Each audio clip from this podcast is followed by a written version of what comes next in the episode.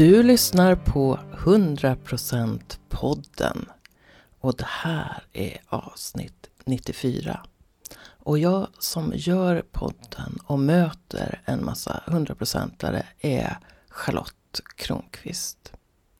Och i det här avsnittet så ska du få möta en kvinna som lever med högkänslighet och som nu förverkligar en av sina stora drömmar.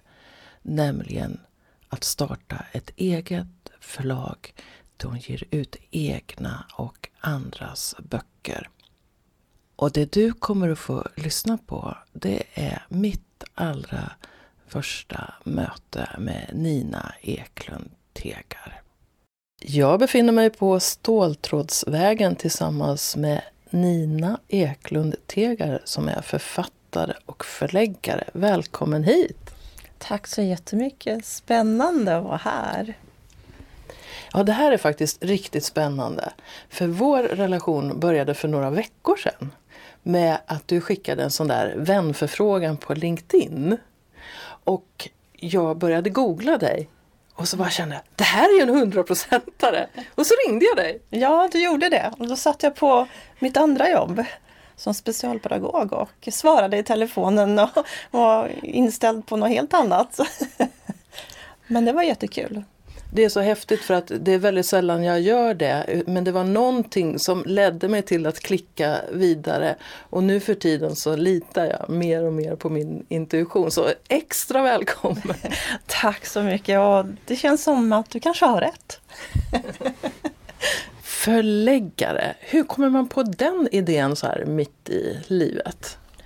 Jag har eh, alltid skrivit, ända sedan jag var barn, jämt, jämt, jämt. Jag älskade uppsatsskrivningar i skolan när alla andra avskydde det. Väldigt tidigt så fick jag en dröm att bli författare, men även förläggare, för att för mig hängde det ihop. Väldigt häftigt också att få ge ut andras texter, men även egna. Fanns det några böcker som inspirerade dig som barn då till att vilja bli författare? Absolut. En riktig höjdarförfattare som jag minns det då. Jag har inte läst om dem tror jag. Men det var Maria, Maria Gripes Alla de här Skuggan över stenbänken, alla de här böckerna. Min absolut favorit. När man blev lite större då. Henne skulle jag vilja träffa. Ja, det är faktiskt. Ja. Vet du, när jag var sådär 9-10 år så läste jag Ann på Grönkulla. Och så tänkte jag jag ska skriva en sån bok. Ja, men jag läste också lite annat. Harlekin, det, det var sånt som slank med också. Men det är ju en sak att som barn skriva i så här Mina vänner, jag ska mm. bli författare och sen att faktiskt bli det. Ja. Och vad tror du det är som gör att du nu kan kalla dig för en författare? Var kommer den där eh, kraften från? Jag vet inte, den finns bara där och den har alltid funnits där. Det är ett otroligt driv och motivation som den forsar bara i kroppen liksom, hela tiden. Den går inte att stoppa. Hur går det till när du skriver? Hur går det till? Jag sätter mig nog oftast bara ner sådär. Jag är väldigt dålig, jag skriver inga synopsis eller någonting sånt. Det, jag har försökt och det går inte. Det, jag, jag kan inte hålla dem i alla fall. Så det, jag tror att jag skriver väldigt mycket på känsla det liksom bara kommer. Mina rollfigurer eller karaktärer de lever sitt liv liksom och kanske inte gör det som jag har tänkt. Men då får det bli så. Och oftast då som det blir som bäst. Är det som att de själva är med och bestämmer? Ja, ja, ja absolut. De bestämmer. Det kan ju komma in en person jag inte alls har tänkt också. Men som plötsligt säger att nu måste jag vara här för att det här ska bli bra. Vad spännande för den här kreativa processen kan ju se ut på väldigt olika sätt. Mm. Jag minns jag intervjuade en författare som heter Bunny Ragnerstam som skriver långa böcker om arbetarrörelsens historia. Och han förbereder en bok i fem år. Han kan tidslinjerna för varenda person. Men det är inte din stil? Nej, jag har förstått att det inte är det. Det är klart att alltså många säger att det är så man ska göra. Men nej, inte, det är inte mitt sätt att göra det på. Jag vet knappt vilka människorna är heller. Hur ska mina karaktärer... En del säger ju att ja, men du måste veta allt om dina karaktärer. Om, om du ska kunna skriva om den. Fast jag vet ingenting när jag börjar. Det växer ju fram då. Så, sen vet man väl såklart. Men inte från början. Det låter som ett spännande sätt då att du får ha tillgång till både intuition och nyfikenhet och lekfullhet i ditt författande. Ja, men det är väl lite så. Samtidigt kanske det är en nackdel ibland för att man kan gå vilse lätt. Eller man liksom förändrar den här personen lite väl många gånger och blir aldrig klar eller sådär. Men eh, det känns ändå som att det är mitt sätt att göra det och jag tror ändå att ja, jag litar på det. Liksom. Skriver du för dig eller skriver du för en tänkt läsare? Ja, det är en jättebra fråga. Naturligtvis skriver jag nog för både och. Men om jag inte fick skriva, det är en sån här kliché, så skulle jag inte heller kunna leva. Alltså det är som att andas. Typiskt sådana här klichéer, men, men det är faktiskt så. Om jag inte gjorde det så skulle jag, det skulle inte fungera för mig. Det, måste, det är ett måste helt enkelt. Sen såklart är det roligt om man får läsa det och eh, når ut och får uppskattning och så. Plötsligt så såg jag mig själv som flicka och jag sitter i ett hus i Dalarna och jag sitter inne och läser böcker och jag drömmer om att få skriva och jag mm. skriver uppsatser i skolan. Och jag älskade att vara i böckernas värld för den var på ett sätt lättare än den omgivning som jag mm. var i. Mm. Så jag funderar på, är det någonting du kan relatera till? Ja, absolut. Det kan jag göra. Sen är jag också uppvuxen med två föräldrar som var litteraturvetare. och på den tiden så satt de ju väldigt ofta hemma och i soffan och läste. Vilket jag också gjorde väldigt tidigt. Jag tyckte nog att de gick lite väl långt och var lite väl tråkiga och sådär och stillsamma ibland. Men idag så är jag nog precis likadan egentligen. När så, det gäller just läsandet. Så, ja så i ditt, eh, är läsandet en viktig del av din skrivprocess? Ja, men det är det. Och, och framförallt om man känner att man inte kommer någon vart. Eller om man känner att man fastnar eller liksom sådär, eh, får inte till det. Då är det jättebra att läsa någonting. Egentligen vad som helst. Bara man läser någonting och får... Det är som att det sätter igång då kreativiteten igen eller den här härliga känslan. Liksom. Så det är nog jätteviktigt. Om man inte gjorde det så... Jag vet inte, jag har alltid läst. Jag vet inte hur det skulle bli annars. Jag har ju skrivit hela mitt liv och nu har jag en blogg med snart 3000 inlägg. Och om det går några dagar och jag inte skriver så är det som att jag får abstinens. Ja.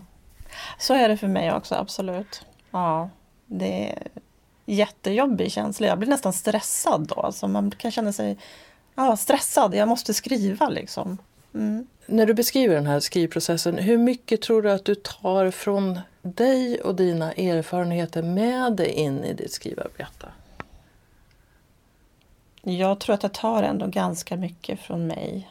Man kan nog känna igen, eller man kan nog, de som känner mig kan nog se att det skulle kunna vara jag som har skrivit.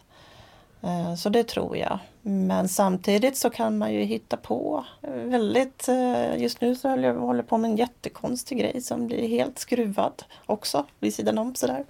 Och det är ju ingenting som är upplevt eller någonting men tar väl ändå från mig själv lite kan jag tänka mig. Jag tänker vi har allt inom oss så att mm. även om det inte är direkta upplevelser så tror jag att vi har så mycket som, som mm. vi kan leta fram och gömma.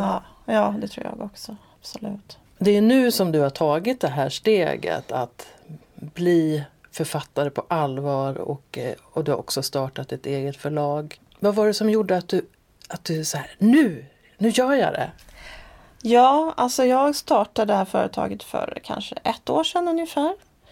Och då var det, då var det så att jag befann mig, jobbade på en annan skola, inte den jag jobbar på nu. När jag började jobba där så gick jag ner till 80 procent från 100 då och bestämde mig för att en dag i veckan, då ska jag göra det här. Jag började så. Och det var väl ungefär ett år sedan. Sen så var det många turer med den där skolan. Till slut så eh, lades den ner i alla fall. Och eh, då fick jag en, ett jobb på en annan skola. Men bara på 60 procent. så då blev det plötsligt två dagar i veckan. Och då kände jag att ja, men det är nu eller aldrig. Det var som att du fick lite hjälp på vägen? Ja, jag fick hjälp på vägen. Jag, jag har valt att tro på att det var så det var. Så då bestämde jag för att nu satsar jag på allvar. Nu ger jag det det är jag, hjärnet här. Om du skulle beskriva dig själv då, vem är du? Förutom författare och förläggare. Det är en jättesvår fråga men eh, jag är en person med, jag tror att jag har ett otroligt rikt inre liv. Det liksom bubblar av tankar och idéer inom mig hela tiden och jag vill få utlopp för det väldigt ja, ofta. Och kan inte alltid få det och det skapar en frustration och abstinens som du säger. Eh, väldigt kreativ på många olika sätt men om man måste välja något eller jag måste liksom sådär så är det skrivandet som är.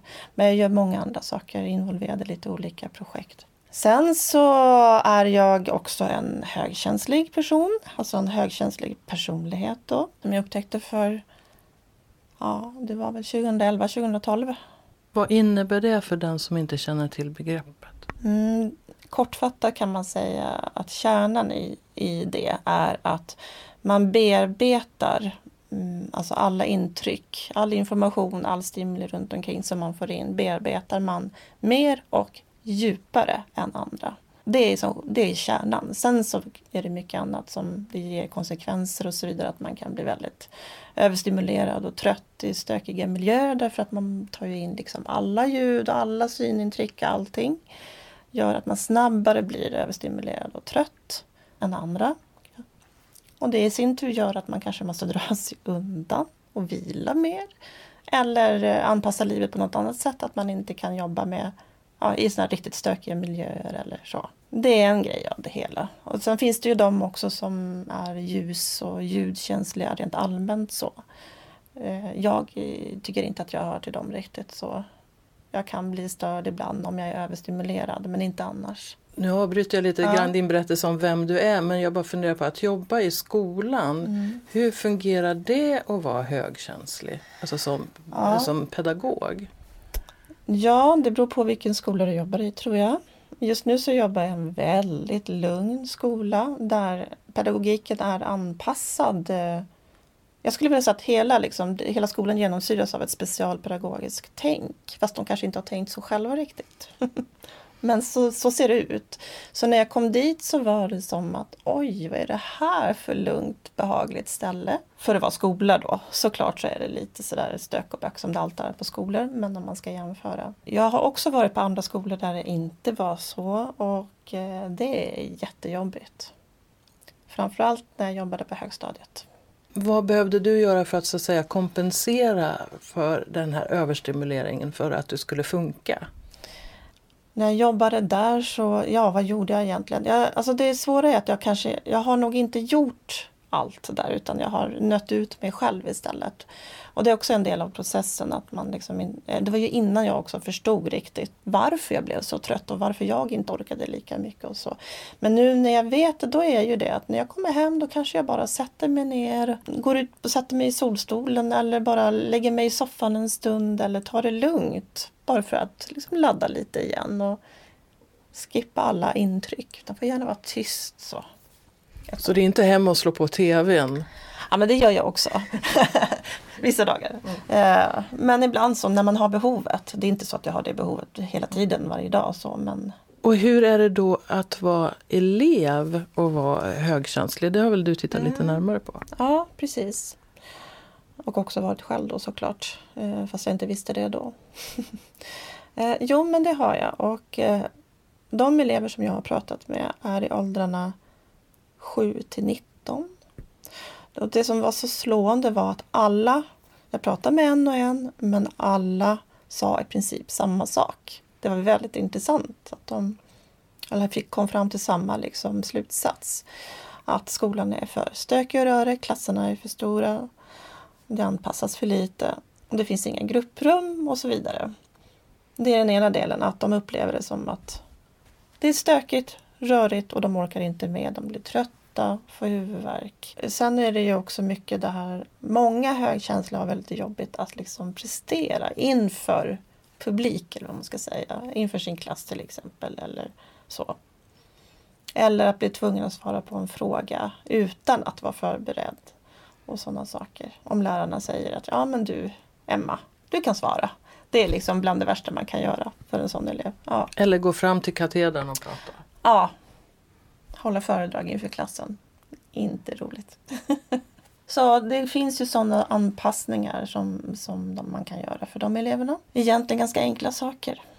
För man måste inte redovisa sina kunskaper genom att stå och prata inför hela klassen eller så. Det finns andra sätt. Och det är ju lite det som man jobbar som, med som specialpedagog också. Att se vad kan man göra istället. Jag har fått känslan att under senare år så använder man begreppet HSP och det har blivit mer och mer känt så att situationen för personer med det här, det är ju ingen diagnos utan det är Nej. mer, jag vet inte vad man ska kalla det för, men att det har blivit mer uppmärksammat så det kanske är lättare.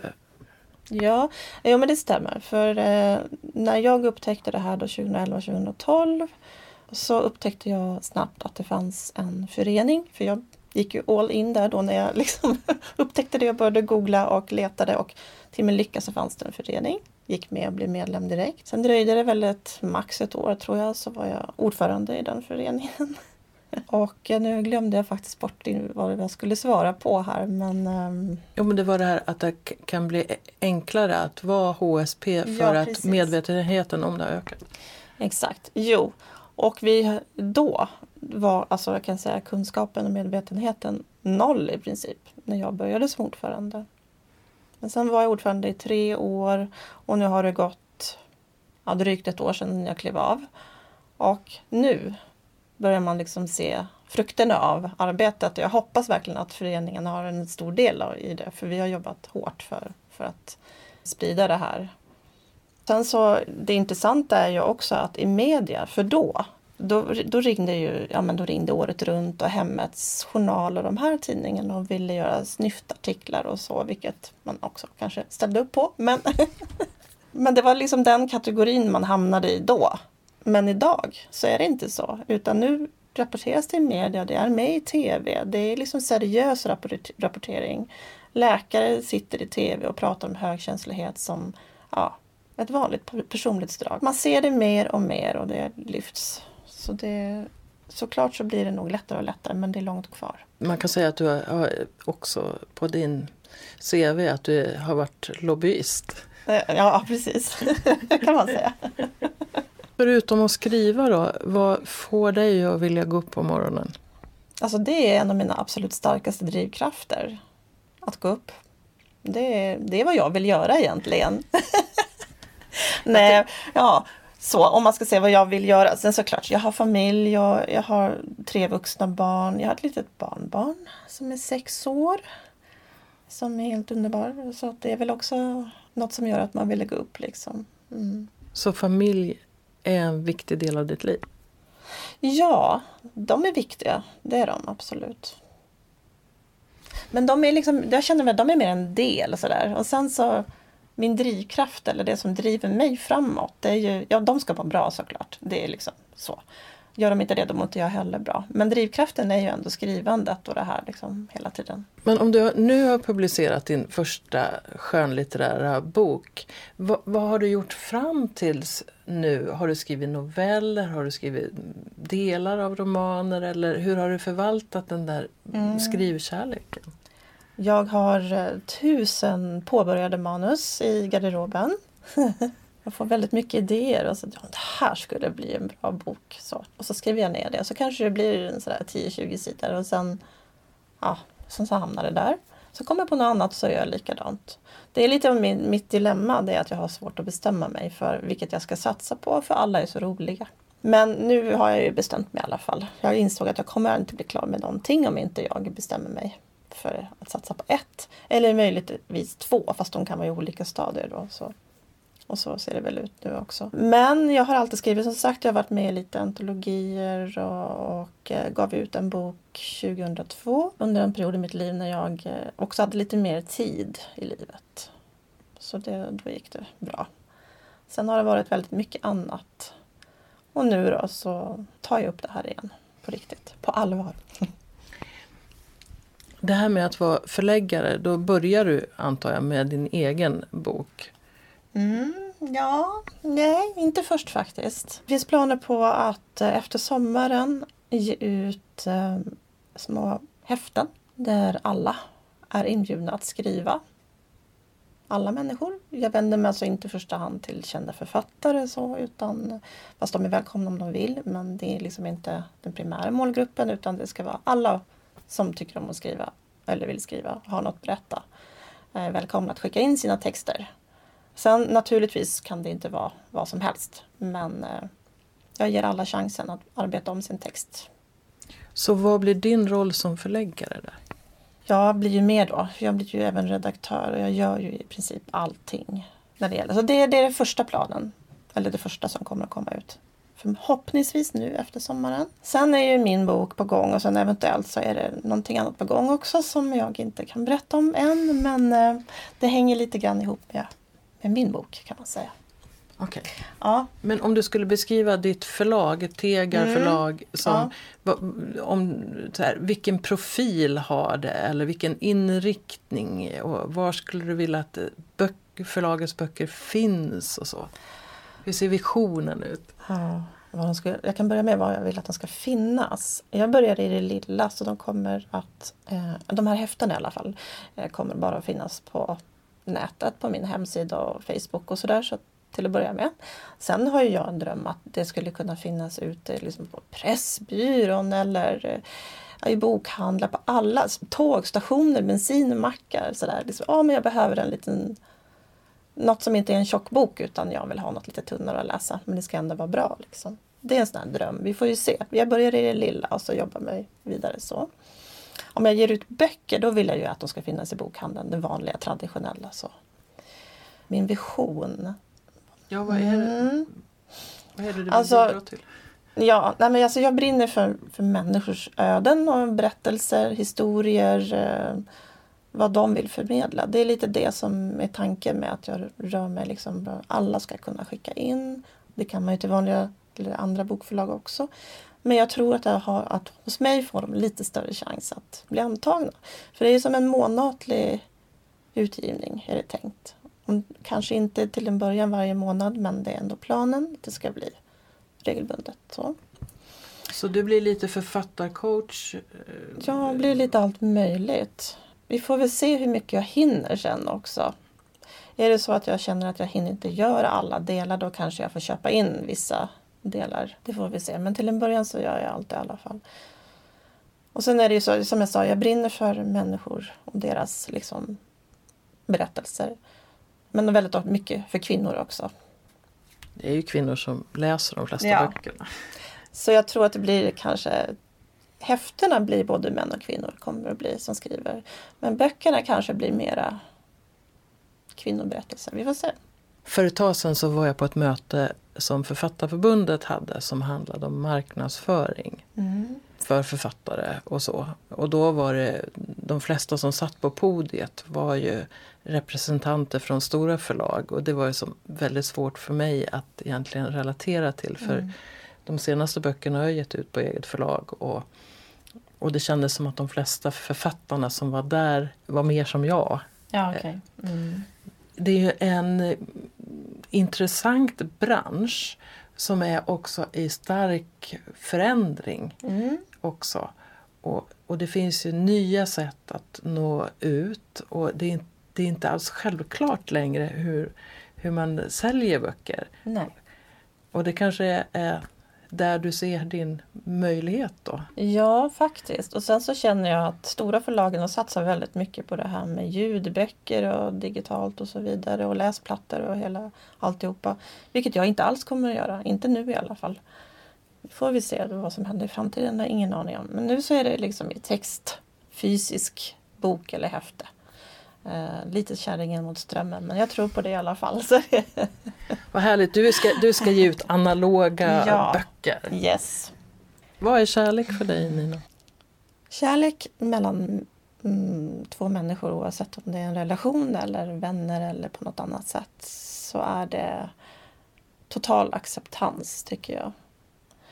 Och då kan jag ta ett exempel faktiskt för att på den förra skolan där jag jobbade var en väldigt mångkulturell skola där både elever och personal var från alla möjliga länder. Eh, och det var väldigt slående när jag började jobba där att när jag kom in redan första dagen att jag kände kärleken så starkt mellan alla människor. Eh, det har jag inte känt på någon annan skola. Faktiskt på det sättet. Det var fantastiskt. Acceptans och tolerans. Så, väldigt häftigt. Och det är det här jag önskar skulle sprida sig över hela liksom, jordklotet och mer. Till vissa kanske höjdare politiker i vissa länder eller så.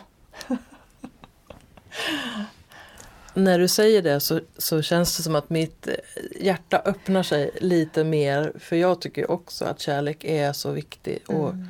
på många nivåer. Mm. Som jag ser det så, så finns att, så är kärleken den stora kraften men så mm. hindras den en del för att det finns så mycket rädsla runt. Och om jag kan blåsa för att vid, alltså, om, jag, om vi säger att jag har kärlek i min andedräkt mm. och om jag kan vara med och blåsa ut det på människor så att en del av rädslan kan försvinna så att vi vågar vara oss själva och också se så att säga, ljuset i den andra personens öga. Då, ja. Wow! Ja, väldigt fint beskrivet. Jag håller med, verkligen. Det, mm. Nu är du ju i en tidig fas på, på det här stora projektet. Och vad har du för erfarenhet av motgångar? Och vad har du för verktyg idag för att hantera sånt? Du tänker rent företagsmässigt eller överhuvudtaget? Eller? Nej, jag menar typ äktenskapet går åt skogen eller um, jag snubblar precis när jag ska vinna tävlingen. Ja. Eller, ja. Okej, okay. mm. jag förstår. Mm. Jag har haft ganska mycket motgångar i mitt liv. Ganska tuffa levnadsår. I ett tufft förhållande. Det har naturligtvis drabbat mina barn eftersom det var mina barns pappa det handlade om. Och det har varit väldigt tufft också. Så under många år, kanske 20 år, så har livet gått åt till att liksom överleva och inte leva. Med mycket fighter med eh, diverse instanser i samhället och sådana här saker. Så, och, eh, så jag, där har jag nog haft min hårda skola där jag har lärt mig att eh, verkligen ta motgångar och att inte gå under av dem, vilket jag i och för sig trodde att jag skulle göra ett tag. Men faktiskt inte gjorde eftersom jag sitter här. och eh, ja, men jag är nog ganska bra på det. Rent företagsmässigt så har jag inga egentligen erfarenheter. Och jag går väldigt mycket på magkänsla just nu. Så jag har ingen affärsplan eller någonting sånt där som alla säger att man ska ha. och så vidare. Utan jag låter det gå ganska långsamt istället. Det är väl det som det enda jag känner att jag gör för att inte förhasta mig eller gå på för många miner utan jag tar det lite lugnt helt enkelt. Sen har, sen har jag lite förlagskontakter andra i från andra förlag så att jag kan få mycket tips och råd och sådär. Vilket stöd har du hemifrån? Ja, jag får jättebra stöd av min man faktiskt. Han är, eh, tycker det här är jätteroligt och eh, peppar. Är det viktigt för dig? Ja, det är jätteviktigt. Utan det så skulle det... Då skulle jag nog tappa gnistan.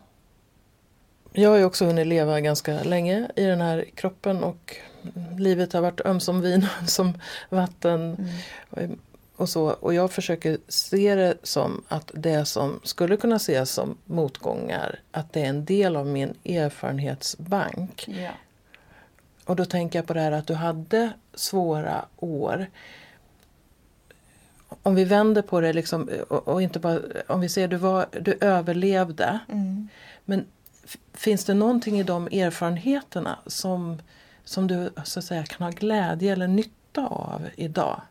Ja, men absolut. Och erfarenhetsbank eller livsrikedom eller någonting kan man ju också kalla det.